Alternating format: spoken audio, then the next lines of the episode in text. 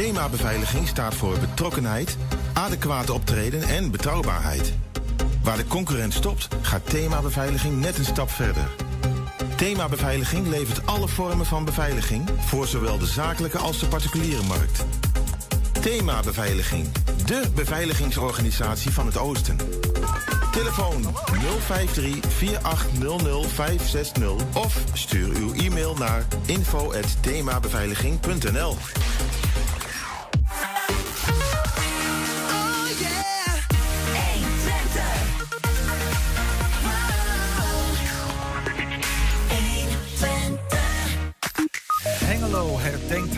en wel op 4 mei natuurlijk. Het mag weer in gezamenlijkheid na twee jaar. Ja, in Enschede helpen jobhulpmaatjes werkzoekers aan een baan. Maar die werkzoekers worden nog gezocht.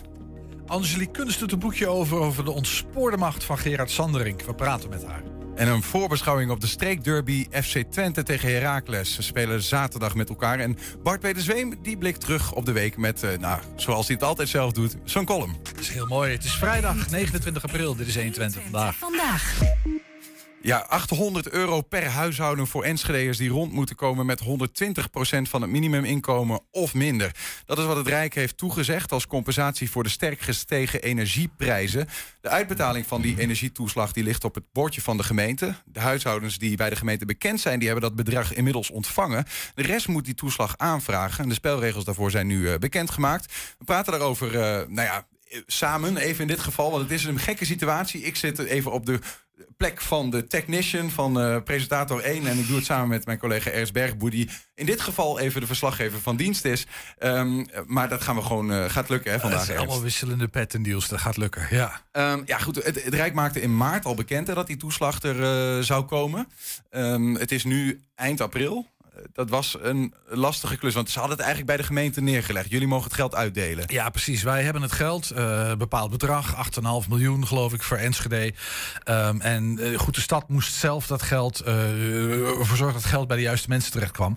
En dat is inderdaad een klus. Er is een aantal mensen die is bekend bij de gemeente. ik noem maar even wat. Mensen die recht hebben op bijstandsuitkering. Ja, daarvan weet je dat die op dat minimum zitten. Maar er is ook een hele groep die niet in beeld is van de mm -hmm. gemeente. Um, en om, om die in beeld te krijgen, één, dat is natuurlijk een ding. Maar twee ook, uh, hoe, hoe, ga je dan precies bepalen nou ja, wat het inkomen is... en uh, welke, welke spelregels spreek je daarvoor af... om ervoor te zorgen dat het geld ook echt terechtkomt... bij mensen die daar recht op hebben. Ja. Uh, dat spel, ja, spel is een beetje een vervelend woord misschien. Maar die puzzel, uh, dat heeft wel even geduurd voordat dat gelegd was. Want even, dit gaat natuurlijk om die, die, die exorbitant gestegen prijzen voor verwarming. Uh, maar ook voor het gas, voor het, voor, het, voor het koken en dat soort dingen. Klopt. Ja. Um, en daar zijn mensen die uh, nou ja, weinig uh, te makken hebben in het leven, die vaak al zelf in een woning zitten die niet al te best geïsoleerd is. Ja. Um, en die krijgen te maken met die hoge prijzen, kunnen dat gewoon niet betalen. Hè? Precies, ja, dat is exact voor deze groep, daar gaat het om. En dan heb je het ook over, ja, wie is dan die groep precies? Ja. Die geraakt wordt hè, door die sterk gestegen energieprijzen. Uh, nou, er is nu bepaald dat de groep mensen is die uh, netto 120% van het minimumloon verdienen of minder. Hoeveel is dat ongeveer? Uh, 1500 euro geloof ik. Ja, nou, dat, dat hangt er vanaf. Als je alleenstaand bent, zit dat rond de 1250. Ja. En als je weer samen woont, dan is dat 1750 of iets, iets meer dan dat, geloof ik. En dan maakt het weer uit of je AOW-gerechtigde bent of niet. Dus er zitten wat verschillen in die prijzen. Maar zeg ergens tussen de 12.500 en de 17.500 uh, in, in, in, die, in die range ligt dat. Ja, ja. Hoeveel van die uh, huishoudens hebben we eigenlijk in Enschede? Ja, de schatting is dat, dat er zo'n 13.500 zijn. Waarvan er zo'n 7.000 bekend zijn bij de gemeente. Dus de, de, de, de, ongeveer iets minder dan de helft. Daarvan vermoedt de gemeente dat die hier zijn. Ja. Natuurlijk op allerlei indicatoren. Wie dat dan precies zijn, zeg maar, uh, namen en rugnummers, dat is dan bij de gemeente niet bekend. Maar die, die 6.500, die hebben al een toeslag gehad. Dus die zijn bekend bij de gemeente. Ja, die 7.000 die bekend zijn, die hebben die 800 euro, want daar gaat het over. En een eenmalige toeslag. Die 800 euro is inmiddels aan die groep uitgekeerd. En nu gaat het nog om die groep uh, van ook ongeveer zo'n 6.500 huishoudens... Mm -hmm. waarvan de gemeente niet precies weet wie dat zijn. Ja, hoe, hoe gaat het dan werken? Is het zo dat ik uh, gewoon bijvoorbeeld even ikzelf... dat ik denk van, nou ja, wie, wie weet kan ik aanspraak maken op dat geld. Ik schrijf een brief naar de gemeente en dan gaan zij dat voor mij uitzoeken. Hoe werkt het eigenlijk? Ja, de, de, daar komt het een klein beetje op neer. Er wordt nu een aanvraagprocedure gestart. Hè. Dus die mensen die, die bekend zijn, die hebben dat gewoon... Uh, daar heeft de gemeente zelf het initiatief genomen. Dus die hebben gezegd, wij kennen jullie jullie. En wij storten 800 euro op jullie rekening. We kennen ook jullie rekeningnummer, allemaal bekend. Dat is geregeld. Ehm, voor die mensen die de gemeente niet kent, zoals jij bijvoorbeeld, eh, Niels. uh, ja, jij moet aanvragen. Uh, en daar zijn nu die spelregels voor afgesproken. Uh, dus Waarom die mensen kennen ze moeten- mij eigenlijk niet? nou, in jouw geval betwijfel ik of ze je niet kennen. Ik vermoed van wel. Uh, maar ja, de, de gemeente heeft natuurlijk niet van iedereen inkomensgegevens bijvoorbeeld uh, zomaar. Uh, de, en dat- er spelen allerlei factoren een rol. Het kan zijn dat het om zelfstandigen gaat, bijvoorbeeld ZZP'ers, met een wisselend inkomen. Het kan heel goed zijn dat die mensen echt wel veel, dus vaak minder zitten dan die 120% uh, minimumloon. Maar dat is niet altijd bekend natuurlijk bij de gemeente. Um, nou, het, maar het kan ook gaan om mensen die bijvoorbeeld in de schuldhulpverlening zitten. En omdat ze allerlei schulden moeten gaan afbetalen, um, ook niet op die 100% uh, of die 120% van het, uh, van het minimumloon uh, komen, maar daaronder zitten. Ja. En die ook in de problemen raken. En ja, het gaat er vooral om dat, dat want dit zijn mensen, als die in de problemen komen, dan hebben ze vaak ook forse problemen. En ja, dat, dat is natuurlijk voor deze mensen heel vervelend. Maar het levert ook voor de samenleving een hele hoop gedoe op natuurlijk. Ja. Dus dat wil je voorkomen. Maar goed, nou, nou zijn er natuurlijk ook mensen die. Ja, 120% is nogal een strakke grens of zo. En er zijn mensen die vallen dan net dan. Die hebben, zitten 122% van het sociaal Ja. minimum, of van het minimumloon. Ja. Ja, die hebben nog steeds niet heel veel. Bijvoorbeeld, stel even, het kan maar zo zijn, vraag ik me zo af, dat er iemand die op 100% van het minimumloon zit, maar in een heel goed geïsoleerd huis veel minder energielasten heeft dan iemand die op 130% van het minimumloon zit en dus niet die toeslag krijgt, terwijl het hele huis uh, doortocht en uh, koud is. Ja. Ja, dus inderdaad, dus, dat is altijd het lastige bij grenzen. Hè? Dus dat, is dat je ergens een streep trekt en zegt die wel en die niet. En dat er altijd mensen net over dat randje van die streep vallen en niet in aanmerking komen. Dat is natuurlijk altijd een probleem. Waar je die grens ook legt, kan ik me voorstellen. Uh, die 120 procent um, komt rechtstreeks. Uh, de, de Rijk heeft gezegd. Het beleid dat jullie maken, je mag daar gedeeltelijk zelf beleid voor maken, gemeente.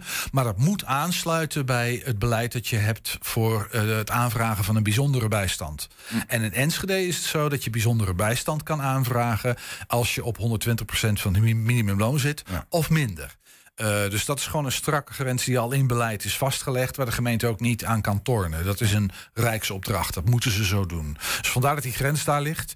Um, ja, en in de situatie dat mensen twijfelen, Uh, kun je natuurlijk altijd een aanvraag doen en kijken of, of, uh, of je ervoor in aanmerking komt. Ik zeg er even bij, die aanvraag kan nog niet onmiddellijk. Dat kan pas vanaf 9 mei.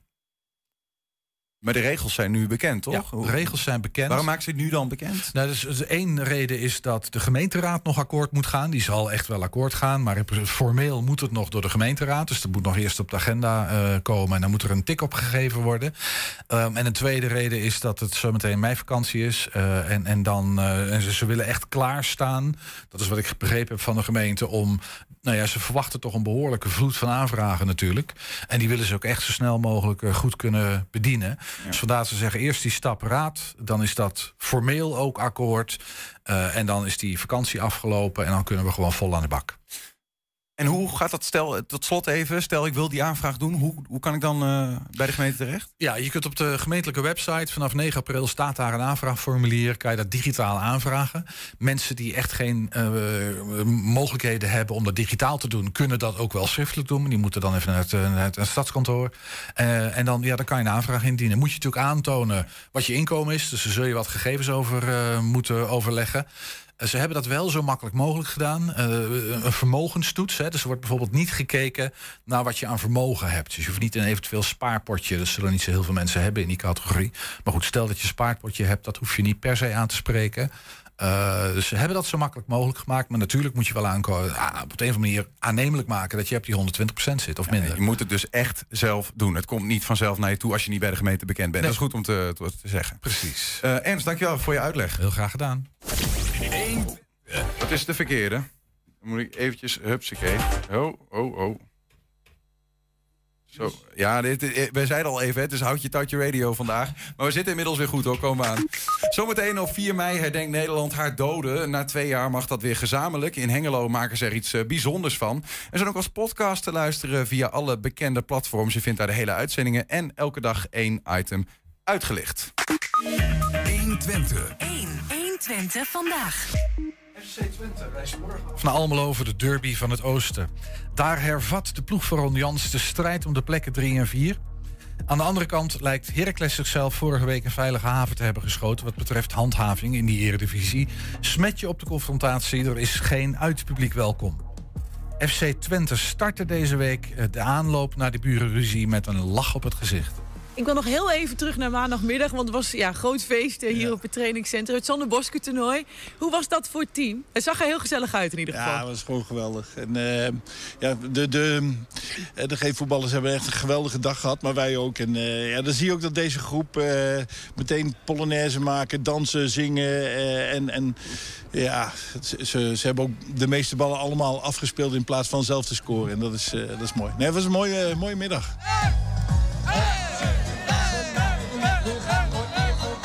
Maar goed, dit weekend. Ja, je kunt er dan niet helemaal omheen dat het toch een derby is. Ehm, op de een of andere manier lijkt het altijd in Almelo iets meer te leven dan in Enschede. Jij als toch iemand die van buiten afkomt, hoe zie jij dat? Ja. Ik heb hem eigenlijk maar, maar één keer meegemaakt. Vorig jaar was er twee keer geen publiek bij. En ehm, eh, volgens mij het jaar daarvoor werd hij niet eens meer gespeeld... omdat door corona de competitie werd stopgelegd. Eh, maar we hebben een, een, een beetje een, eh, een gevoel kunnen krijgen... in de thuiswedstrijd eh, tegen, tegen Heracles.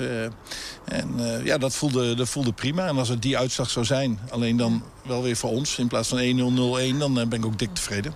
Maar dat gevoel dat het in Almelo, dat zij er iets meer belang aan lijken te hechten... dat echt een derbygevoel, dan dat dat hier leeft... Ja, weet ik niet. Ik, ik heb wel geleerd, je moet genieten van, eh, van derbies. Eh, je moet het niet eh, kleiner maken. Je moet je wel normaal een beetje behoorlijk eh, eh, gedragen... maar een beetje uitdagen, een beetje dollen. ja, en, en, en de dampen moeten er van, van afvliegen. En, en ja, dat, dat, dat zijn derbies. En ja, ik, ik, ik vind als Twente moeten wij, moeten wij dat ook dat gevoel gewoon meenemen. Want in derbies, als je kijkt naar de uitslag van de wedstrijd wat het allerbelangrijkste is... dan gaat het meestal eerst om eh, strijd, duels, eh, tweede ballen... en, en ja, dat soort zaken. En eh, als wij dat op orde hebben, ja, dan kan het een mooie avond worden. Ik vraag dat ook een beetje omdat... Stel dat dat zo is, hè, dat het daar bij het publiek echt een hele belangrijke wedstrijd is. In hoeverre dat dan over kan stralen op dat team daar. Verwacht jij dus in die zin vanuit Heracles kant dat die spelers er heel fel op gaan? De supporters moedigen je aan. Dus, eh, maar ja, het kan ook het tegenovergestelde zijn. Dat eh, als het niet goed loopt voor Heracles, dat ze een beetje beginnen eh, te, te morren. Het is in ieder geval hartstikke jammer dat er ja, geen publiek van ons mee mag. Ja, wat vind je daarvan? Ja, jammer, maar Ja, nou ja, het- het zijn nu redenen volgens mij vanwege veiligheid en dat soort dingen. Ehm, maar ja, als je een echte derby hebt, dan is het met publiek van beide kanten. Dan, eh, ja, Heracles lijkt zich ja, vorige week eh nou, goede stap gezet richting veilig gespeeld, laat ik het dan zo zeggen. In hoeverre denk je dat dat verschil maakt? Dat zij misschien nou, die zorg een klein beetje achter zich hebben kunnen Ze laten? kunnen wel wat vrijer uit eh, spelen. Dus ik verwacht ook dat ze dat ook wel mee zullen nemen in, in, in de wedstrijd zelf. Was jij verrast door de opstelling van jouw collega Wormoed vorige week? Extra Nee. verdediger? Nee. Waarom niet? Nou, het is niet nieuw. Eh, dit jaar heeft Heracles wel minder vaak met vijf verdedigers gespeeld dan, eh, dan het seizoen eh, daarvoor. Maar als je kijkt tegen de speelwijze van, van SC Groningen en de belang van het resultaat... Ja, dan, dan was ik niet verrast, nee. En Alleen, alleen morgen moeten wij dus ook weer rekening houden van... nou, eventueel met drie centrale verdedigers of met gewoon vier verdedigers. Eh, we zullen het wel zien, we zijn erop voorbereid. ja, we hebben het eerder over gehad. Je zegt dat we eerder meegemaakt dit seizoen. Ehm, maar ik kan me voorstellen dat je wel voor jezelf probeert te bedenken wat hij gaat doen. Wat denk je dat hij doet? Ja, als, eh, ik probeer altijd in, eh, in het hoofd te kruipen van eh, de trainer van de tegenpartij. hoe hij denkt, hoe hij meestal de dingen doet. Maar dan, ja, die gedachten ga ik voor de wedstrijd niet delen met, met anderen. tenminste, niet, niet voor de camera. Nee, dat begrijp ik wel een beetje. Ja, maar Ik, ik heb wel een, ehm, een idee. Alleen of dat waar is. uiteindelijk, trouwens een hele gewaardeerde collega, Frank Wormoed, die, eh, die beslist het en, eh, en niet ik. Wij zijn verantwoordelijk op wat wij doen en eh, dat, dat is veel belangrijker. Jij zegt al, ja, uiteindelijk ligt het aan mijn eigen jongens. Eh, wie Ja. heb jij tot je beschikking eh, dit weekend? Nou, Of wie eigenlijk niet, eh, moet ik dan misschien vragen. Dat is ja, korte nou, we, we hebben eigenlijk de, dezelfde kern als, eh, als de laatste weken. Dus, eh, dus daar zit niet zoveel verschil in. Nee, dus, maar vorige week had jij de hoop dat Piri wellicht weer Ja, nou, dat was ook wel goed. Alleen die, ja, die vanmorgen heeft hij al heel vroeg heeft hij zich afgemeld wegens ziekte. Dus ja, die, die zal er dan niet bij zijn. Maar die had, anders had hij wel aangesloten. En dat betekent ook dat Prama die vorige week weer moest afhaken en niet bij Nou, is. dat is alweer eh, volgens mij een week eh, daarvoor. Ehm nee, Wout is er alweer een poosje eh, uit. Maar die gaat volgende week waarschijnlijk weer gedeeld dus met de groep meetrainen. Ja, je hoorde Ron Jans dus over die wedstrijd tegen Heracles morgen. 120. 1. 120 vandaag. 4 mei herdenkt Nederland alle slachtoffers sinds de Tweede Wereldoorlog. Militairen en burgers die stierven in oorlogssituaties en bij vredesoperaties. Die, die dodenherdenking kan dit jaar weer fysiek. eh, en dus met publiek, en dat is ook in Hengelo het geval natuurlijk. Een stichting 4 mei herdenkingsbijeenkomst Hengelo heeft een mooi programma voor deze avond. Bij ons aangeschoven is Annette van der Zanden, secretaris volgens mij van die stichting 4 mei. Welkom eh, Annette, fijn dat je er bent. Dank je. Eh, secretaris klopt hè? Secretaris klopt. Ja, misschien even de microfoon goed voor je neus. Hey, het mag weer na twee jaar samen herdenken. Ehm, Ja. Betekent Ja. dat dat je dan ook wat extra glans aan het programma geeft? Met Of, eh, extra bewustzijn het programma samengesteld. Ja. Echt geprobeerd om voor Hengelo, voor iedereen die belangstelling heeft, toch iets heel moois eh, neer te zetten. is die belangstelling groot in Hengelo doorgaan? Ja, ja, ja. ja. Het hangt ook van het weer af. Van normaal gesproken dan hebben we de Lambertus Basiliek aardig goed gevuld. Ja, ja. En, en als je zegt aardig goed gevuld, dan probeer me even een beeld te vormen hoor. Wat Nou, hoeveel meer dan mensen- 200 mensen in elk geval. Ja, precies. Ja. Ja. Maar nou is dat niet het enige, hè, die eh, Lambertus eh, Basiliek. Jullie hebben veel meer op het programma staan. Wat, wat kan je een beetje een overzichtje geven? Wat gaat er Nou, het gebeuren? is in Hengelo een beetje een tweedeling. De gemeente zorgt voor een gedeelte en wij zorgen voor het andere gedeelte. Wat doet de gemeente? De gemeente zorgt voor de stille tocht vanaf het bevrijderslaantje richting Stadhuis. En daar is de kranslegging en een minuut stilte. En daar wordt muziek gemaakt en dan spreekt de burgemeester. En aansluitend, dus ongeveer kwart over acht, dan lopen de mensen door die dat willen naar de Lambertus Basiliek. En daar begint ons programma. Ja, dus het, de, de twee minuten stilte, dat is op het Stadhuisplein. Ja. Bij de herdenkingsplek. Bij het monument. En aansluitend eh, is er een programma in die Lambertus. Het is geen kerkelijke signatuur, het is gewoon omdat het een mooie locatie is en dicht bij het Stadhuis. Ja, vroeg me toch wel af, want het is natuurlijk een kerk. Eh, is een ha- kerk. Had het ook op een andere locatie gekund? Of is dat nou, toch hebben wel we heel wel eens over gedacht, maar dat is qua loopafstand natuurlijk niet zo prettig, want waar moet je dan naartoe? En dit is gewoon een hele mooie sfeervolle omgeving. Ik zeg er ook altijd bij, het is geen kerkelijke signatuur, het is voor alles en iedereen. Ja, en wat, wat gaat er gebeuren in, in, de, in de Lambertuskerk? In de Lambertus. Of de Lambertus Basiliek Lambertus Basiliek, ja. ja. Eh, wat we, de burgemeester spreekt een eh, woordje, die opent het. Dan hebben wij eh, muziek van Oivo Kunstenschool, een Van God ensemble en een trompetensemble. We hebben een meisje wat zingt. Ze heeft vorig jaar met opnames die in twee heeft verzorgd voor het op uitgezonden programma ook gezongen. En die maken een muzikale invulling. En daar hebben we een bijzondere gastspreker. Een hele bijzondere, dat is een journaliste en een auteur. En dat is Minka Nijhuis. Ga ik het zo meteen met je over hebben. Ja. Hey, en ik vroeg me ook even af, ehm, op welke manier zijn jongeren betrokken bij dit programma? Jongeren zijn betrokken doordat van Oivo Kunstenschool, de leerlingen, zeg maar, de studenten En van de zijn muziekschool. leerlingen in welke, in welke, welke leeftijd zitten die ongeveer? Dit zijn eh 16, 17, 15. Ja, dus heel bewuste leeftijd. Heel bewuste leeftijdsgroep, ook om die erbij te betrekken. En ook om de binding met Hengelo, met onze organisatie, met OIVO, eh, nog eens een keer te benadrukken. Dat is gewoon ontzettend mooi dat we samen kunnen.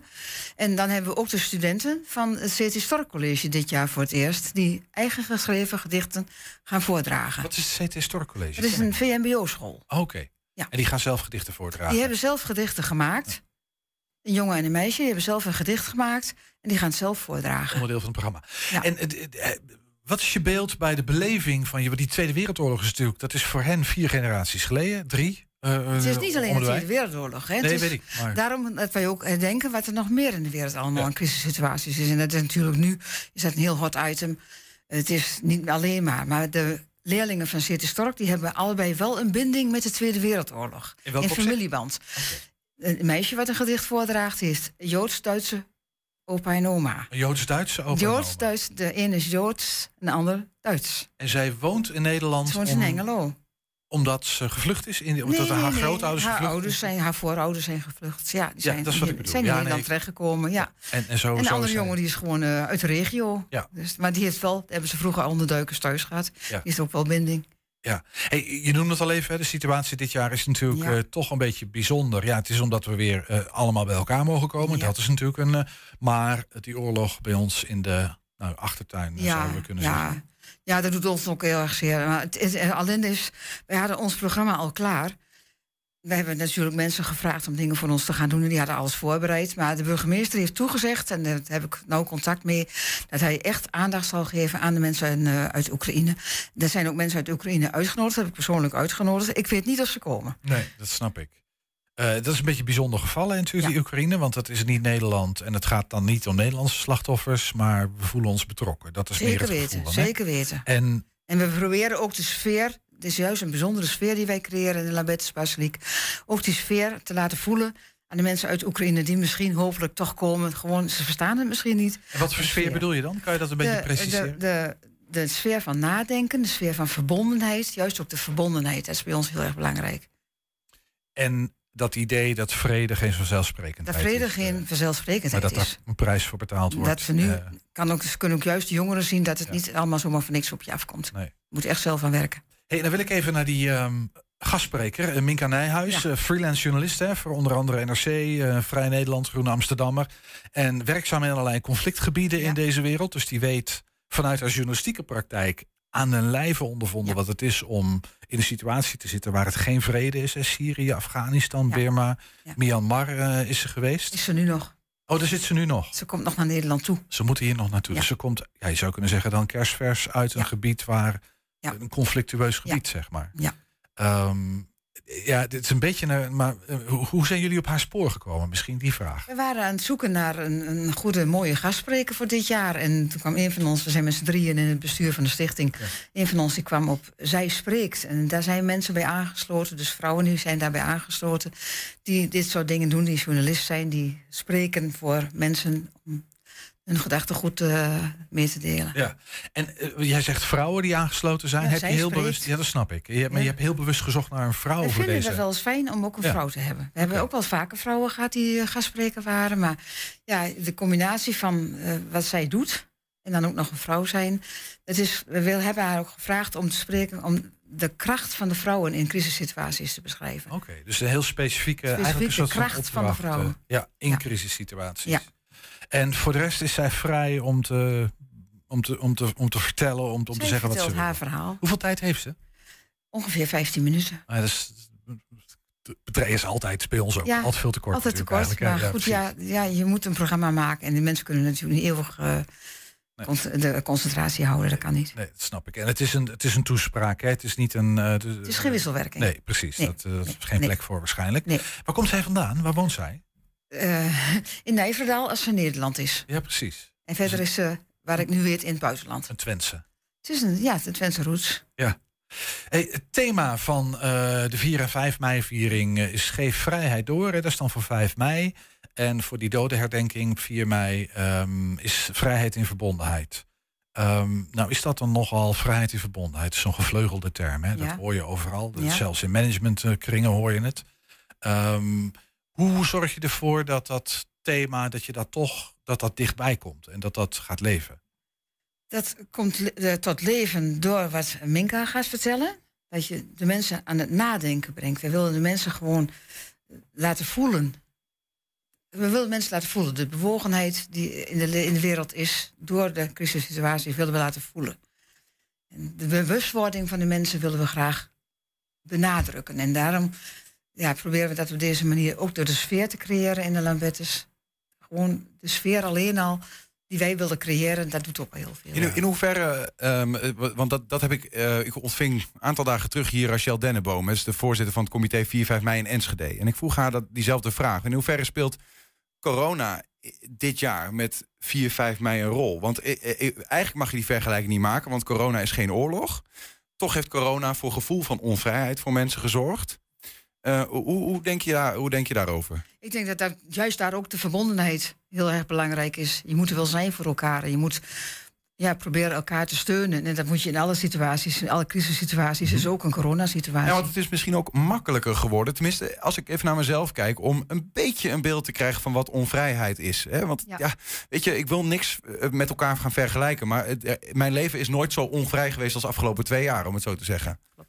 Hè? Dus, eh, dus dat is misschien voor mensen ja, toch iets waarmee ze in hun gevoel zitten als ze in die kerk zitten of als ze naar de tv kijken Ja. op 4 mei. Ja, ja. Precies. Ja, ik, ik hoor een beetje, ik probeer goed, eh, goed naar je te luisteren. Maar als je zelfs vrijheid in verbondenheid, is dat misschien die verbondenheid ook wel een soort van voorwaarde is om iets van vrede te kunnen ervaren. Op het moment dat je je kan Je verplaatsen in kunt een het niet ander. alleen.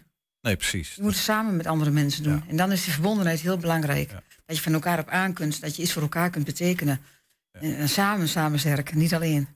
Ja, een- bijzonder jaar in dat opzicht. Zeker Eh, weten, Een bijzondere zeker herdenking gaat het Zeker. worden. Ik denk dat er ook heel veel mensen met een traantje in de, in de kerk zitten. Ja, Denk ja ik. dat, dat, dat, Denk eh, ik. dat mag best, hè? Ja. Af en toe. Ja. Geraakt worden door dingen die, die ertoe Ja. doen. En gewoon een gevoel over je krijgen. Even die bewustwording, Ja. even diep nadenken. Dat kan, eh, kan werken. Ja, mooi. Hey, en nog heel even precies, hoe laat? eh, hoe, Ongeveer hoe laat, kwart over acht. Het is aansluitend aan de kranslegging. Dus dan hoe laat de begint die stille tocht? Je begint om eh, tien over half acht. En En het vanaf? bevrijderslaantje in Hengelo. En dan is het dan ja, twee minuten stilte. En dan spreekt de burgemeester nog. En daarna gaat iedereen rustig naar de lambettes. Dus wij beginnen niet precies om kwart over acht. Maar wij wachten tot de laatste mensen van het Stadhuisplein naar ons toe zijn gelopen. En dan beginnen we. En, en, En het duurt ongeveer een uur. Ja, precies. Iedereen welkom, uiteraard. Ieder, graag, iedereen welkom. En mochten mensen meer informatie willen, dan kunnen ze terecht waar? Dan kunnen ze terecht bij de Facebookpagina van ons staat alles op. En hoe heet die Stichting Facebookpagina? 4 mei herdenkingsbijeenkomst Hengelo. Facebookpagina. Daar heb ik het hele persbericht op gezet waar alle gegevens in staan. En er staat ook al een telefoonnummer van mij bij. Helemaal goed. Annette van der Zanden was dat. Eh, heel dank eh, voor, eh, voor je uitleg. En succes met de laatste voorbereidingen. Fijn voor de gelegenheid. Dank je. Alsjeblieft. Straks hier jobhulpmaatjes helpen Enschedeze werkzoekenden aan een passende baan. Maar die werkzoekenden zelf worden nog gezocht. 120. 120 vandaag. Ja, het kon eindelijk weer. Genieten van een heus volksfeest in de Enschedeze binnenstad. Er was muziek, er waren kleedjesmarkten, workshops en ook heel veel drank. Voor de feestgangers is het soms maar de vraag hoe je na zo'n Koningsnacht of dag wakker wordt. Gisteren peilden we hoe dat de Enschedeërs afging. Gisteren kwam er een einde aan een zeer geslaagd Koningsdag. Maar zoals je altijd hebt met een feestje waar drank in het spel is, is er ook een day after. Even kijken hoe brak Enschede is. Hallo heren, hebben jullie gisteren nog uh, naar de zin gehad met Koningsdag? Zeker. Ja, zeker. Nou, ik was aan het werk bij de KFC. Ja, klopt, ja. Uh, eergisteren, Koningsnacht. Nee, ik heb helemaal niks gedaan met Koningsdag. Eergisteren wel. Uh, ik ben wel even op pad geweest, maar niet uit geweest. Nee, ik uh, moest werken. Ik had avonddienst in de zorg. Zijn jullie nog een beetje brak dan? Misschien zijn we wel... Ja, lichtelijk, ja. Ja. Nou ja, het ging wel prima aan toe. Uh, nou, dat uh, ja, een beetje, een klein beetje. maar nu niet meer hoor, gisteren wel maar. Uh, nog een beetje. Nee, ik heb niet gedronken, man. Oh, helemaal niet gedronken? Nee, nee, nee. Hoeveel uh, drank ging er doorheen? Um, nou, hoeveel was het? Dat weet ik niet. Ik heb niet gezien. nou, genoeg. Genoeg? Nou, daar ging wel bier doorheen. Bier? Uh, genoeg. Ik, genoeg bier, maar ik denk vooral veel shotjes. Nou, we houden bescheiden, hè? Een bier? Ja, een bier. Ja, zo zeggen, 6, 7. Was er nog uh, spectaculair? Heb je nog echt iets uh, gezien waarvan je dacht van, nou, dat is echt de gedelen waard? Uh, Enschede zelf, hè, de sfeer, de gezelligheid. Het is lekker druk. Dat was heel mooi. Miss Montreal was er. Dat was heel mooi. Uh, ik heb gebarbecued. En de hamburger was heel lekker. Even, even in de middag een drankje gedaan en uh, KFC gehad, maar verder... Uh... nee, gisteren hebben wij met vriendinnen gebarbecued. Ja, zometeen Gerard Sanderink die kwam, zag, overwon en tuimelde met een dreun van je welste van zijn voetstuk. Angelique Kunst ontleden die geschiedenis in een boek. Er is hier maar één de baas, heet dat boek. En straks is Angelique bij ons. 120. 1. 120 vandaag. Banen verliezen, werkloos zijn, dat is iets waar de meeste mensen niet op zitten te wachten. Om Enschede'ers in zo'n situatie te helpen een baan te vinden die bij hen past, start in de komende week een nieuwe wekelijkse jobgroup. Daarin trekken werkzoekenden samen op met zogenoemde jobhulpmaatjes. Deelname is gratis, maar de groep is nog niet vol, anders gezegd. Het jobhulpmaatje zoekt nog werkzoekers. We praten erover met coördinator van het project Jaap van Tilburg. Jaap, welkom. Dankjewel. Fijn dat je er bent. Ja. Uh, je bent op zoek naar werkzoekers. Uh, dat is wat ik begrijp. Ja, nou, uh, je zou kunnen zeggen, er, zijn zoveel banen tegenwoordig. Dus ja. het is eigenlijk nauwelijks meer nodig om er bezig te zijn. Maar er blijkt toch een heel stuk uh, frictieprobleem te zijn. Hè? Dat mensen dan ja, soms jarenlang op zoek zijn naar een plekje waar ze goed kunnen functioneren. En eh, ja, daar zetten we ons dus voor in. Om, om, om die mensen te ondersteunen, in hun kracht te zetten. Snap ik. Hè? En het Ja. project waar je dat doet, dat heet Job, eh, een, een, jobgroep. Eh, en, en je maakt gebruik van jobhulpmaatjes. Ja, het is een Leg dat eens even uit wat dat precies is. Nou, het is een landelijk project. Het heet Jobhulpmaatje. En die hebben dus op meerdere plaatsen hebben ze een, een plek. En eh, ook in Enschede zijn we daar eh, mee begonnen. En eh, ja, wat we doen is... wij zoeken mensen op die toch extra moeite hebben om werk te vinden. Dus als je een baan verliest en je kan zo werk vinden... dan hoef je niet bij ons te zijn. Dat snap ik. Maar ja, soms hebben daar mensen toch wel behoorlijk veel moeite mee. En de- die nodigen we dan uit. Dat kan zijn één op één met een maatje. En het kan zijn in groepen. En dus komende dinsdagavond, dan begint er dus ook zo'n groep. Eh, En dat is gewoon een groep, ik probeer me voor te stellen, een groep in de ruimte met mensen die tien personen, die zitten er bij elkaar. Precies. En daar doen we dus eigenlijk wel hele boeiende dingen mee. Dus eh, vooral eigenlijk goed naar jezelf kijken. Wie ben ik eigenlijk? Eh, want heel veel mensen die zijn zo'n beetje lam geslagen. Die zijn zichzelf kwijt. Dus je gaat ook op zoek naar wie ben ik nu eigenlijk. Zodat je met veel meer zelfvertrouwen ook je kunt presenteren en ook kunt zoeken. Jullie hebben dit eerder gedaan, hè? Het is eh, 2016. eh, Ja, we begrijp 2000 2016 zijn we voor het eerst eh, dat eh, gaan doen. Toen hebben we vier keer een jobgroep gedraaid. Eerst waren het gewoon voor Dus vier keer zo'n groep van ongeveer 10 mensen, Ja. zo'n 40 mensen, alles bij elkaar. Ja. En hoe lang zitten die mensen dan in zo'n. Wat is elke week komen die bij elkaar? Stel ik me dat bij voor, Ja. zoiets? Ja, we hebben eigenlijk twee mogelijkheden. Of je komt zeven keer bij elkaar, of je komt iets van tien keer bij elkaar. En het hangt een beetje vanaf of je wat eh, taalachterstand hebt. We hebben dus ook groepen waarbij relatief veel ehm, statushouders zitten. Ja, en dan heb je net even wat meer tijd nodig. Ehm, En dan maak je dus- tien weken. En dan kom je weken, ja, dan maak je tien weken van, ja. En wat, wat, wat zijn dan de, de, de vraagstukken of de hobbels waar deze mensen mee zitten? Hoe komt het dat ze in een booming arbeidsmarkt, zou je kunnen zeggen, toch zo lastig aan een baan komen? Overal zitten ze te schreeuwen om werknemers. Ja, dat klopt. Nou, dat, dat heeft allerlei oorzaken. Het kan zijn dat, dat gewoon met een burn-out heeft. En burn-outs die zijn niet zo eventjes opgelost. Daar heb je gewoon tijd voor nodig. Eh, of het kan zijn dat je zelfvertrouwen dus niet zo groot is. Misschien heb je wat knauwen gehad en zo... en dan ben je in de grond gestampt. Ja, en dan moet je eigenlijk weer eh, je rug rechten... en ook jezelf leren kennen. Wie, wie ben ik eigenlijk? Wat kan ik eigenlijk? Enthousiast worden over jezelf. Maar als ik je goed begrijp, zit er dus een soort van elementen in van nou ja, jezelf weer ontdekken, zelfvertrouwen, geloven, er weer in geloven. Dus, eh, bijna therapeutisch. Ja, even. zeker. En dan heb je eventueel eh, jobhulpmaatjes die met jou mee kunnen in zo'n proces om ergens weer aan de bak te komen, te solliciteren. Ja, en die gaan dus eh, op, eh, vrij diep ook met mensen in een persoonlijke situatie. hè. Soms kan het zo zijn dat je een thuissituatie gewoon niet lekker is. En dat je zo'n maatje zoekt ook uit van waar jij dan mee geholpen bent. Dus dat is heel persoonlijk. In de, in de groep heb je wat meer natuurlijk wat collectieve onderwerpen. Maar in het individuele kan je precies aansluiten op de problemen waar mensen dan eh, mee zitten. En Jaap, die, die, die, even tussendoor hoor. Ja, maar je, je- die- je zoekt natuurlijk nog werkzoekers. Dus het is, eh, op een of andere manier hebben mensen ook die drempel die ze hebben om misschien wel überhaupt eh, nou, aan werk te komen. Die, nou ja, dat gebrek aan zelfvertrouwen waar je het over had, wat er misschien wel kan zijn. Zorgt dat ook voor een drempel om zich überhaupt aan te melden voor zo'n traject? Ja, nou, ik heb een bepaalde groep mensen waar ik dan ook probeer om eh, iets voor te betekenen. En dat leek eerst goed te gaan. eh, en toen later, ja, toen kreeg ik de reactie terug van ja, ehm, al die eh, helpers, het is allemaal hetzelfde en zo. En we zien dat niet zitten. Dus nu ben ik bezig om met twee van hun wat te demonstreren van hoe dicht je bij kunt komen. Hoe je en, hoe je ze ook kunt helpen met hun eh, specifieke situatie. Met de bedoeling dat het ook uitstraalt naar hun achterban. Want er zitten allerlei mensen zitten daar ook achter. Dus, en die probeer ik dus op deze manier ook een beetje in beweging Die, hebben, die mensen hebben niet echt vertrouwen in het traject. Zo van, ko- ko- Nee, komt weer zo'n Er traject. zijn zoveel van die helpers en zo. En die zijn al tien jaar werkloos en zo. En die, ja, d- er zijn ook allemaal dingetjes. Er is iemand die heeft dus niet eens een, eh, een identificatiepapier. Die was geboren en, in Amsterdam. En die is pas twee jaar later aangegeven bij, de, bij het stadhuis. Maar doen jullie een belofte? De, de- die andere bijvoorbeeld, ja, de- doe je, zeg je van, van bij ons krijg je echt iets unieks? Of krijg je iets anders dan bij anderen?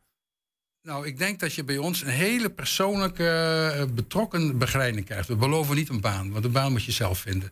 Dus, maar we proberen wel mensen ook te helpen om hun eigen kracht te vinden, zodat ze zelf overtuigend over kunnen komen. En we hebben ook een geweldig netwerk, hè, dat je mensen introduceert op eh, plaatsen. Mhm. En ik heb wel gemerkt dat als je iemand te snel introduceert bij een werkgever, ja, dan, die, die snapt ze niet. Dus eh, dan gaat het helemaal fout. Dus je moet echt toch even wat tijd besteden aan, eh, aan het empoweren en het versterken van de mensen. Eh, Toch als jij, zo, er zo over hebt, dan denk ik, dit gaat over vrij complexe, heel persoonlijke, heel specifieke hobbels waar mensen tegenaan lopen. Eh, dan heb je zeven, misschien tien weken om er wat aan te doen. Ja. Waar die mensen misschien al jarenlang met allerlei dingen zitten. Red je dat in zeven of tien weken? Of begeleid je die mensen ook nog wat langer? Ja, we gaan wel door eigenlijk. Het is niet zo dat na, die, eh, na dat trainingstraject dat je ophoudt. ehm, eh, maar ook de mensen onderling. Dat is ook een hele stukje kracht. Dat je ziet van ja, dat zijn dus eh, lotgenoten. En die, ja, dat helpt. En nou ja, er zijn mensen die, die ik al drie jaar begeleid. En dan hebben ze op een gegeven moment wel wat gevonden. Bijvoorbeeld iemand die zelfstandig geworden is. Ja, maar dan heb je nog niet direct een volle orderportefeuille. Hè, die is een klussendienst begonnen. Dus die spreek ik één keer in de maand, ga ik daar langs. En dan sparren we nog weer met elkaar en Een zo. coach, eh, zeg Ja, maar, in dat, in ja. dat traject. Als je nou terugkijkt op 2016, hè, had je Ja. 40, 40 mensen in zo'n traject ongeveer. Ehm, is, is- valt er iets te zeggen over hoeveel van deze mensen uiteindelijk zeg maar, tot, tot die drempel overkwamen en, en ergens een baan hebben gevonden die, waarvan ze zeggen van hé, dit is tof, dit past ook bij me. Ja, absoluut. We hebben de, iets van, ik heb het ook in kaart gebracht ook, iets van eh, 55% van de deelnemers die hebben allemaal een baan gevonden. Daarnaast zijn er nog een aantal die hebben dan uiteindelijk ook gekozen voor een opleidingstraject. Die zeggen, ja, dit is toch niet goed, mijn startpositie is niet fijn en zo. Dus dat komt ook wel voor. Sommigen die stappen in vrijwilligerswerk, waar natuurlijk ook niks mis mee is. Nee, zeker. Zeker als je dat kunt veroorloven qua inkomen, dat is op zich ook prima. Maar dat, het zet dus wel degelijk zoden aan de dijk. En het is allemaal gratis, hè? Je moet toch geloof ik een werkboek van 25 euro eh, betalen? Maar het lijkt me niet echt winstgevend. Waarom doe je dat eigenlijk? Nou, eh, omdat eh, we denken dat er wat extra's nodig is ook. Dan, daarom ben ik ook heel blij dat, dat het ook wel erkend wordt. Dus er zijn financiers, die, want er zijn wel wat kosten aan. Maar er zijn financiële, financieringsorganisaties zoals het Oranje Fonds, het Kansfonds, HLA, Van de Zandvoort. Het is een groot Trends bedrijf. Wat doet eh, de gemeente Enschede heeft nu gezegd... oké, wij vinden het ook belangrijk. Dus er, er, komt support en daardoor kunnen wij dan eh, dat financieren. Maar de financiering is dan vooral eigenlijk de landelijke in- inpassing in het jobhulpmaatje. wat promotionele kosten en ook de, de coördinator. Ja. ik, in mijn geval is dat dan heel beperkt, maar we hebben nou net weer een nieuwe coördinator aangetrokken. En die, daar, daar is dan wel een zekere vergoeding voor. Maar de rest is vrijwilligers. De jobgroepleiders en de maatjes, dat zijn allemaal mensen die dat op vrijwillige basis doen. En nu is er op 10 mei ehm, een inloopmogelijkheid. Ja, er is Begrijp ik, voor mensen die zeggen van nou, ik heb dit verhaal gehoord of gelezen, ben op het spoor gekomen, ik wil wel meer weten. Ja, neem ik aan. 3, 3 mei hebben we dus eh, een start en, dat is ook, en, en 10 mei weer. Dus op beide momenten kunnen dus eh, mensen komen. En, dat, de, eh, en dan, dan beginnen ze met het traject. Ja, nou de eerste is keer is altijd een beetje eh, kennis maken ook. Hè. Dat zijn dus met name dan de mensen die werk zoeken. Maar ik nodig ook een aantal eh, eh, maatjes of aanstaande maatjes erbij uit. Nou, die maatjes die worden dan ook nog weer in een traject worden ze getraind. Hè, zodat je dus mensen op een, ook wat een niveau hebt. Ja, en dan is het kennismaken en uitleggen van wat het traject precies gaat worden. En ja, ja is er aan de slag gegaan. Soms komt het natuurlijk wel eens voor dat iemand zegt... ja, maar dit is toch niet wat ik verwacht had. Nou, dan ga je dus niet in het gro- groepstraject, maar dan ga je individueel. Nou, de koppeling maken tussen maatje en tussen deelnemer... dat is ook een hele uitdaging. En we proberen zo goed mogelijk aansluiting te krijgen. Mocht je in het introduciegesprek merken... nou, dit is hem niet... nou, dan gaan we over op een ander maatje. Dus het moet wel fijn voelen en goed zijn. Moet passen, ja. Ja. Eh, best wel veel, meer vragen, maar de tijd zit er ook wel een klein beetje op. Want ik, het vraagt nog wat van die maatjes ook, kan ik me voorstellen. hey, maar aanstaande dinsdagavond is weer een groep. Ehm, eh, hoe kunnen mensen zich aanmelden? Als mensen zeggen van nou, dit heb ik gehoord, ik ben erg Ja, benieuwd. Dat, dat kan via de website. We hebben een heel eenvoudig webadres. Dat is uh, www.jobhulpmaatje, verbindingstreepje enschede.nl. Jobhulpmaatje, verbindingstreepje enschede.nl. Ja. Als mensen geïnteresseerd zijn, daar kan je terecht. Ja, ik heb begrepen dat ze ook nog eh, maatjes en eh, jobgroepleiders zoeken, naast werkzoekenden. Dus ben je geïnteresseerd om aan de ene of de andere kant van het verhaal te staan, ga even kijken. Jaap van Tilburg, dankjewel en succes ermee. Dankjewel, graag gedaan. We gaan er tegenaan. Zometeen hier Bart Peter Zweem met de column van de week. 120. 1. 120 vandaag.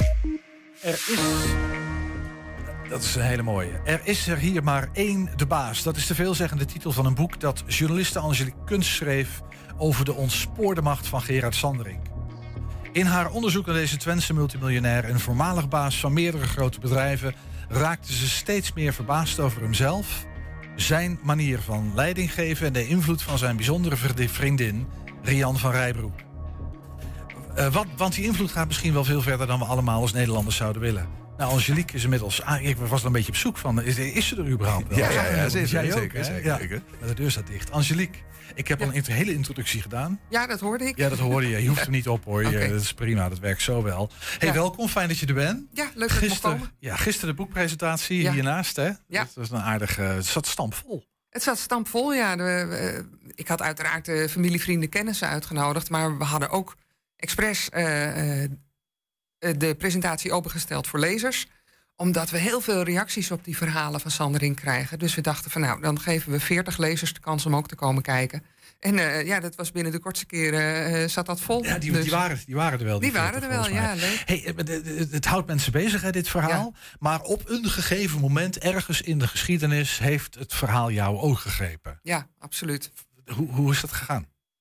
Ja, er was die allereerste rechtszaak op 3 april 2019. Dan krijg je een, een aankondiging, een dagvaarding van de rechtbank te zien. En daar staat dan in dat Sanderink zijn vriendin beschuldigt van eh fraude, diefstal en seks met Afrikanen. Nou, wij kenden Sanderink en we kenden zijn ex-vriendin. En wij, wij hebben elkaar echt zitten aankijken van... hè, wat is hier in godsnaam aan de hand? Nou, dan ga je er naartoe. Dan lijkt het een beetje van eh, ja, een ruzie in huiselijke sfeer. Twee ex-geliefden ehm, hebben mot met elkaar. Ja, het gaat over een hoop geld. En dus het gaat dan, over een eh, hoop geld. Maar, potentie voor En die seks met Afrikanen, nou, dat, bleek, ja, dat was toch een raar verhaal. In, eh, maar tijdens die rechtszaak werd de naam Rian van Rijbroek genoemd. En ik moet zeggen, ik wist toen eigenlijk niet van wie is dat ook alweer. Maar toen ik op de redactie kwam en ging googlen...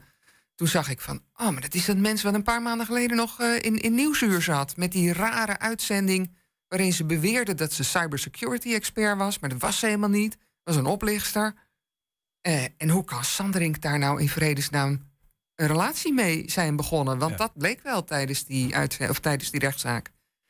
En ja, nou ja, dan ga je, er, eh, dan ga je erin Er duiken. was van genoeg wat- aanleiding voor een journalist om te denken... hier speelt meer. Ja, want oké, die mevrouw die was echt ontmaskerd als iemand die eh, keihard had zitten liegen tijdens nieuwsuur over cybersecurity. En die krijgt dan een relatie met de baas van een van de grootste ICT-bedrijven van Nederland, die heel veel voor de overheid werkt.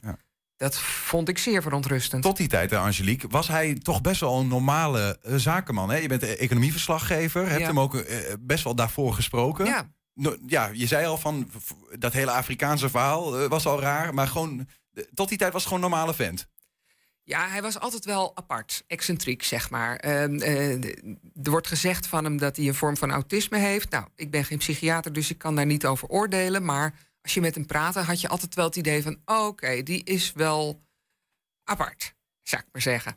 Ehm, maar wel altijd ontzettend leuk om mee te praten. Man met heel veel eh, verhalen, goede verhalen ook. eh, intelligente man. Nou ja, je bouwt ook niet een imperium op van eh, eh, 550 miljoen is het waard. Eh, vanaf helemaal niks. eh, als je dom bent. Dus die man heeft echt wel wat in zijn mars. Ik vond het altijd heel leuk om met hem te praten. Ja. Ehm, alleen ja, toen met die rechtszaak, eh, toen kreeg je wel het idee van er is nu, de, ergens is er nu iets niet goed. Ja, want Rian van Rijbroek, hè, de, die bekend staat inmiddels als een soort van cyber-charlatan. Hè, die, Ja. die sprak zich naar binnen bij Nieuwsuur als een blockchain-expert, was het geloof ik. En dat eh, ja, ze de zei. smart blockchain. Ja, ze, adviseerde ja. het Nederland over cybersecurity. Nou ja, dat bleek allemaal onzin te zijn. Eh, allemaal mensen in de pen, weet je, op Twitter. Deze vrouw praat onzin. Nou, maar die heeft zich blijkbaar ook naar, midden, naar binnen gepraat bij eh, Sanderik. Maar hoe heeft ze dat gedaan? Want ze is ook nog eens, ja, ik wil niet oordelen, maar een stuk jonger. Ja, ze is 20 jaar jonger. Nou ja, weet je, dat, dat zie je. kan. Kijk, e- kijk even naar de gemiddelde man in de quote 500. Die, ik denk dat ze bijna allemaal een jongere vriendin hebben hoor. Dat is helemaal niet zo dat, bijzonder. Dat is niet zo bijzonder. Maar op zich, deze, deze weldenkende man eh, gaat op een gegeven moment met ja, cyber. Nou, dat is inderdaad in heel zee. raar, want je denkt van hij heeft er verstand van. Maar nou is het wel zo, meneer Sanderink heeft heel veel verstand van de binnenkant van een computer, van eh, programmeren. En dan ook nog een beetje gedateerde kennis, schat ik zo in, want dat heeft hij al jaren niet meer gedaan, programmeren. Eh, maar hij, hij is eigenlijk functioneel digibet. Ik bedoel, geef hem een smartphone en hij weet eigenlijk niet goed wat hij daarmee moet. Hij kan er wel mee bellen, maar ehm, hij was ook bijvoorbeeld diep onder de indruk dat op een gegeven moment eh, Van Rijbroek, die heeft McAfee eh, antivirus software op zijn telefoon gezet. Nou, dat.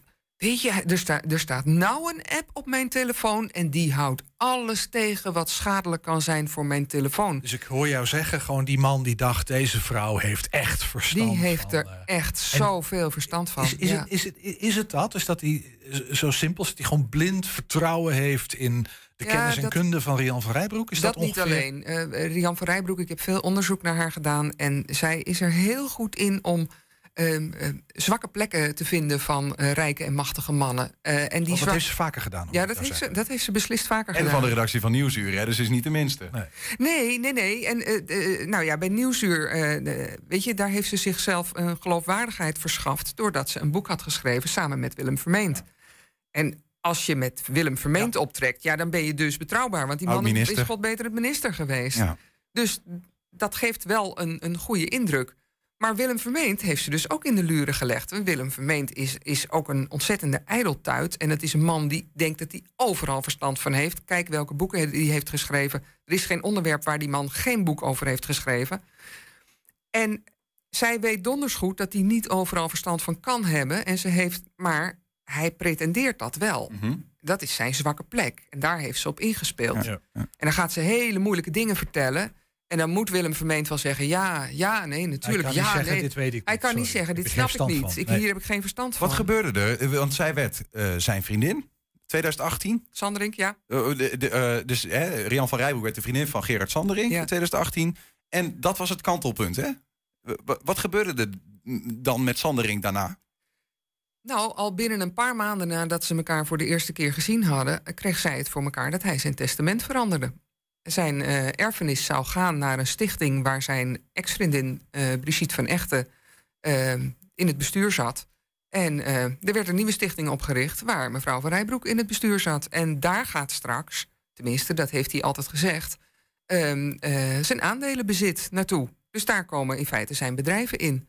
Nou, en mevrouw van Rijbroek zit in die stichting. Dus die krijgt een flinke vinger in de pap bij die bedrijven door middel van die dat, aandelen. dat kun je verwachten, ja. Nou, Kijk, we weten natuurlijk niet precies wat er in zijn testament staat. Nee, ik, even advocaat voor de, duid- Ja. voor de, van de duivel spelend. Ja. Sanderink en zijn ex hebben, eh, geloof 26, 27 rechtszaken.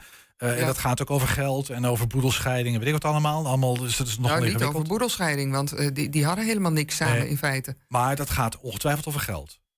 Nou, zelfs dat niet. Nee? Nee, het gaat er vooral over dat hij haar beschuldigt van allerlei hele nare dingen.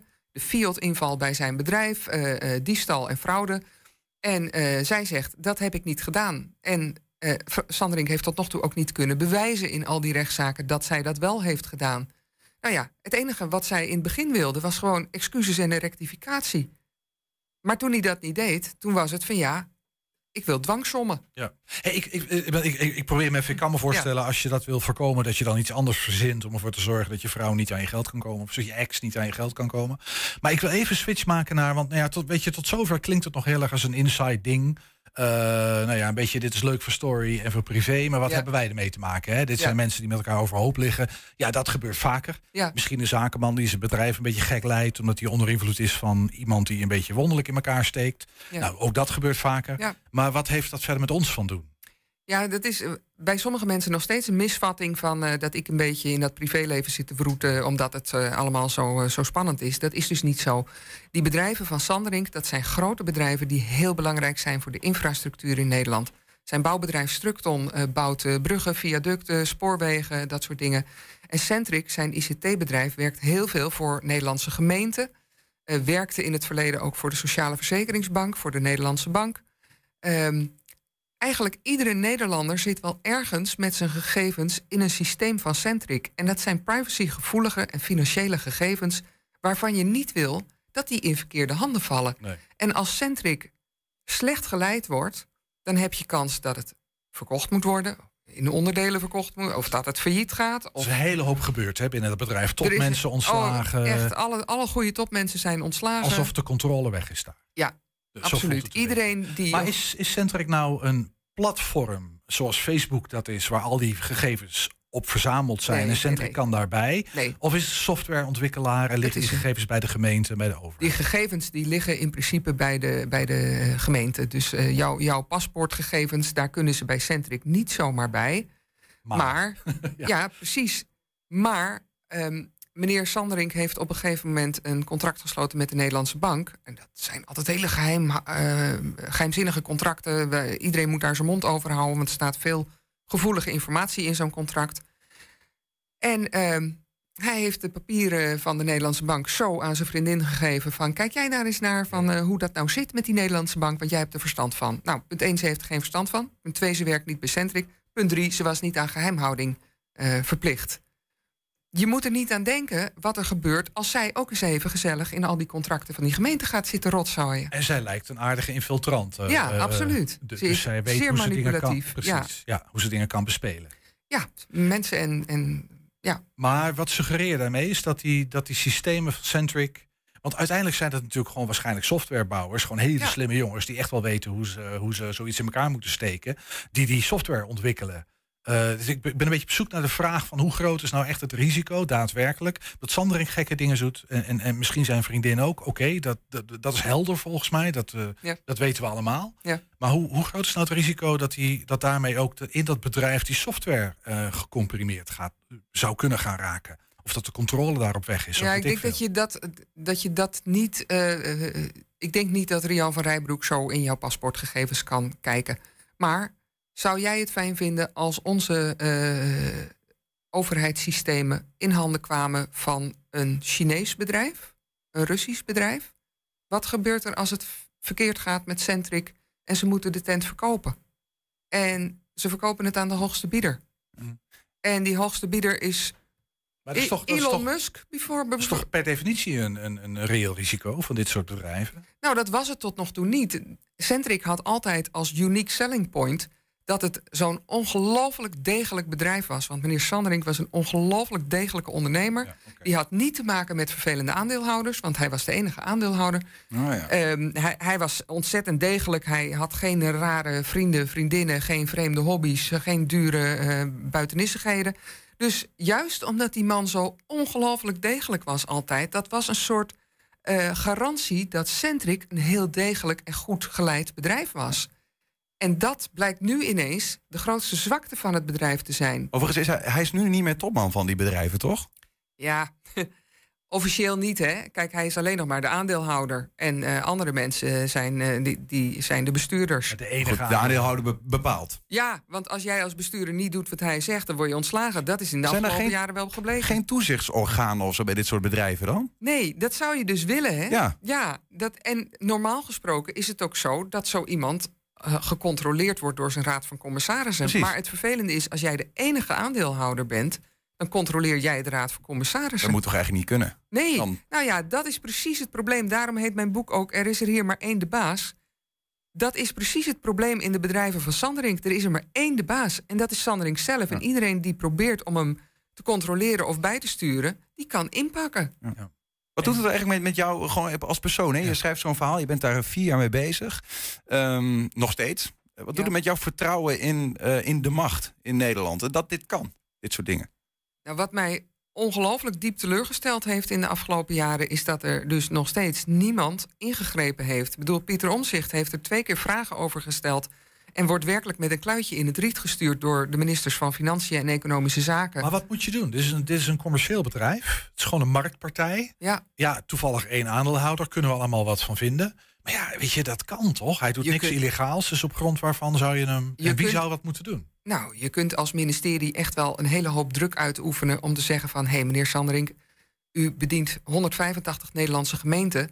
en wij beginnen ons ernstig zorgen te maken. Wij willen keiharde garanties. Wij willen eh, eh, exact weten wie er bij u aan het roer staat... wie er aan de touwtjes trekt. Wij willen niet dat mevrouw van Rijbroek zich ermee bemoeit.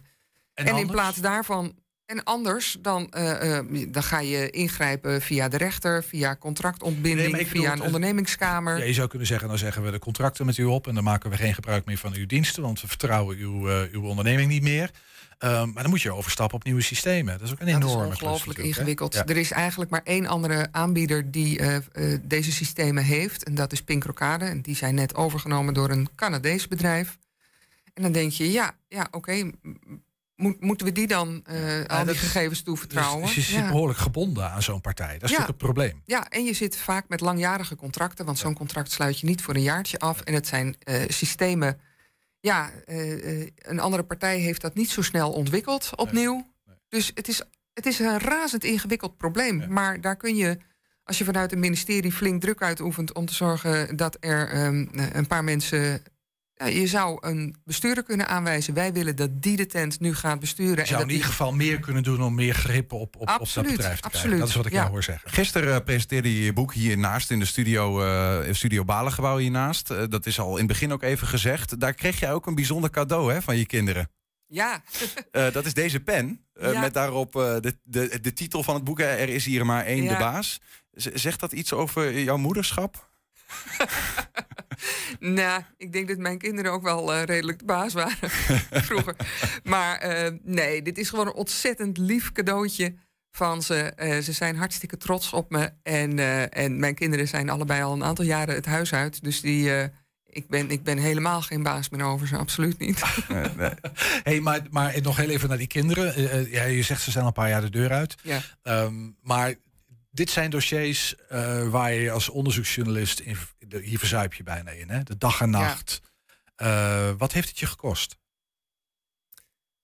Ehm, nou, dat valt, eigenlijk, dat valt eigenlijk wel mee. In die zin, ehm, meneer Sanderink en zijn advocaten hebben enorm veel druk uitgeoefend de afgelopen jaren eh, om bepaalde artikelen en ook dit boek niet gepubliceerd te krijgen. Gedreigd met juridische Gedreigd met juridische stappen. En nou ja, dat kost gewoon enorm veel tijd. Ehm, het zorgt er ook voor dat je ieder artikel 26 keer dubbelcheckt. eh, om zeker te weten dat als er een rechtszaak van komt, dat je er niet niks verkeerd staat. dat er niks verkeerd staat. Dus eh, nou, dat is op zich alleen maar goed dat je zo zorgvuldig bent. Ehm, en mijn man heeft het afgelopen half jaar eh, mij heel veel moeten missen, omdat ik in mijn schrijfbubbel zat voor dat boek. Want dat kostte ongeveer zes dagen per week. Ehm, eh, maar daar, daar kon hij wel tegen, want hij vond het fantastisch dat ik dat deed. Dus het, het, het enige incident wat we ooit gehad hebben, is dat. ehm, eh, op een gegeven moment eh, werd mijn dochter ervan beschuldigd door meneer Sanderink dat zij samen met mij in een Afrikaanse moslimsecte zou zitten die de infrastructuur in Nederland wilde overnemen. En toen ik dat mailtje voorbij zag komen, toen ben ik wel eventjes kwam er wel stoom uit mijn oren. Omdat denk, het over je dochter gaat, kan omdat ik denk, hé, hey, laat mijn dochter hier buiten. Die heeft hier echt helemaal niks mee te maken. Maar goed, daar heb ik later met mijn dochter een lekkere fles wijn op gedronken. We En hebben enorm ja. Dus ehm, ja, weet je, ook dat gaat voorbij. Ja, kan ik Ja. me voorstellen. Het boek is af, eh, maar het verhaal is nog niet af. Hè? Nee, oh god, nee. nee er, is minstens nog een boek voor nodig, ben ik bang. Ja. Wordt die nog geschreven, denk je? Door jou? We zijn in elk geval bezig met een podcast. Die wordt ook heel spannend. We gaan het zien. Cliffhanger. Ja, Ja. Angelique Kunst, dankjewel voor een, eh, ja, naar boven halen van een waanzinnig eh, verhaal. En hopen op een, toch nog een soort van goede afloop. Ja, absoluut. Angelique Kunst, dankjewel. Dank je. Ja, heb je een tip voor de redactie? Mail dat dan hè, naar info-120.nl 120. 120 vandaag. Het is tijd voor de man die elke week zijn macht, ontspoort of niet, dat laten we aan u, probeert uit te oefenen middels een column. Bart Peters Beem. Welkom, hij neemt plaats. Eén velletje papier. Ja, over macht gesproken trouwens, hè? Eh, de- wat je, ja, dan ga ik, ik wou een hele foute vraag stellen. Ik ga nog over. Ja, maar, heeft ook wel maar, met macht te maken. Nee, eh, heb jij nog Koningsnacht gevierd of Koningsdag? Ja. Ja? Nacht Ja. of dag? Beide. Ja, ik heb je volgens mij beide gezien. Ja. Oh, ik heb jou met een nacht wel gezien, maar Ja. met dag niet. Nee, nacht wist ik zeker, dag wist ik niet meer. En heb je mij gezien in een hele gênante plek, eh, of dat ik hele gênante dingen deed? Was ik aan het koekhappen ondersteboven? ik, denk dat het, ik denk dat het heel verstandig is dat ik daar op deze plaats verder geen mededeling over doe. Ik vind dit afpersing. Ik vraag of eh, er een boek geschreven kan worden hierover. Zou ik zeker doen. hey, laat je macht gelden, eh, meneer Peters Beem. Beste luisteraar, heeft u genoten van de Koningsdag? Ja, daar is hij. Nou hoor ik sommigen van u ook meteen denken... ja, Bart, wil je het nou daarover gaan hebben? Er is oorlog in Europa, crisis op alle gebieden van het leven... de inflatie die langzaam het geld in je portemonnee wegbrandt... en jij wil het gaan hebben over hoe mensen in een oranje Vibra-shirt... bier naar binnen tanken, hè? Of over een of ander familiebezoek aan Maastricht? Ja, Daar wil ik het over hebben. Natuurlijk kan ik het over ellende gaan hebben. Ik kan ook een ander onderwerp kiezen. Zo las ik begin deze week op de NOS hoe een vrouw gemarteld is en dat daar foto's van zijn gevonden. Met details die ik absoluut niet hoef en wil weten. Of een foto op de NOS van Sumatraanse tijgers die dood in een strik hangen. Dat wil ik helemaal niet zien. Waarom kijk ik hier naar? Je kunt van zulke dingen PTSS krijgen en dat is niet eens sarcasmus of ironie. Dat kan echt. Waarom hebben wij journalistiek die ons dit soort ellende voorschotelt? Godzijdank is er dan daarnaast ook nieuws over Koningsdag. Dan wil ik liever nieuws over Koningsdag. Doe mij maar die Koningsdag. Ook al hebben sommige mensen het idee dat ze daar ook PTSS van zouden kunnen krijgen. Hè, dan ligt daar iemand in de goot, totaal plat van de oranje bitter. met een lekke oranje opblaaskroon op zijn harses te slapen in zijn eigen urine. Hoe gaat het, buurman? Waarop hij dan zegt: mooiste dag van de afgelopen paar jaar. Want ja, eindelijk kunnen we weer ellende wegfeesten in een Polonaise. Onze keel kapot schreeuwen naar een schraal podium met een onbekende kofferband. Kunnen we weer een diagonaaltje uit de snackmuur halen en naar binnen proppen. Dit is eindelijk weer Nederland. Waar alles wat slecht is aan zo'n Koningsdag misschien ook wel het beste is aan zo'n Koningsdag. De onzin, de kneuterigheid, de idioterie. Ik denk bijvoorbeeld aan de verslaggeving van de intocht van de koninklijke familie in Maastricht. Ze kwamen nog net niet aan met de boot. Maar die verslaglegging bestond er dus voor een groot deel uit dat er aan random mensen in het publiek werd gevraagd: De koning is net langs gewandeld. Hoe was het om zo'n langswandelende koning mee te maken? Hoe vond u de langswandelende koning? Was die langswandelende koning alles waar u op had gehoopt? En dat zonder enig sarcasme of enig ironie. Dat is toch fantastisch? Ze vroegen zelfs, en dit verzin ik niet: is de selfie met de langswandelende koning gelukt? Waarop die random persoon live op tv door zijn foto's gaat scrollen. Oh nee, deze is met Friso. Wat jammer. Wat fantastisch. En daar kijk ik dus naar. En ja, ik had ook de tv uit kunnen zetten. Ik had ook mijn boekhouding kunnen doen. Ik had een kind in Bangladesh kunnen redden. Of een kind uit Limburg, ook goed. Het gaat erom, dat doe ik niet. Nee, ik kijk naar de intocht van de koning... terwijl ik een oranje soes naar binnen werk. Fuck de wereld, dit moment is van mij. Net als dat ik op Koningsnacht me door drukke straten worstel... en op de dag erna langs kleedjes met rommel wandel. Al is het onzinnig, juist omdat het weer kan en weer mag. Want als ik zo langs wandel, dan voel ik mij als een koning. Koning, columnist Bart Peter Zweem, dankjewel. En daarmee sluiten we deze uitzending af. Tot zover.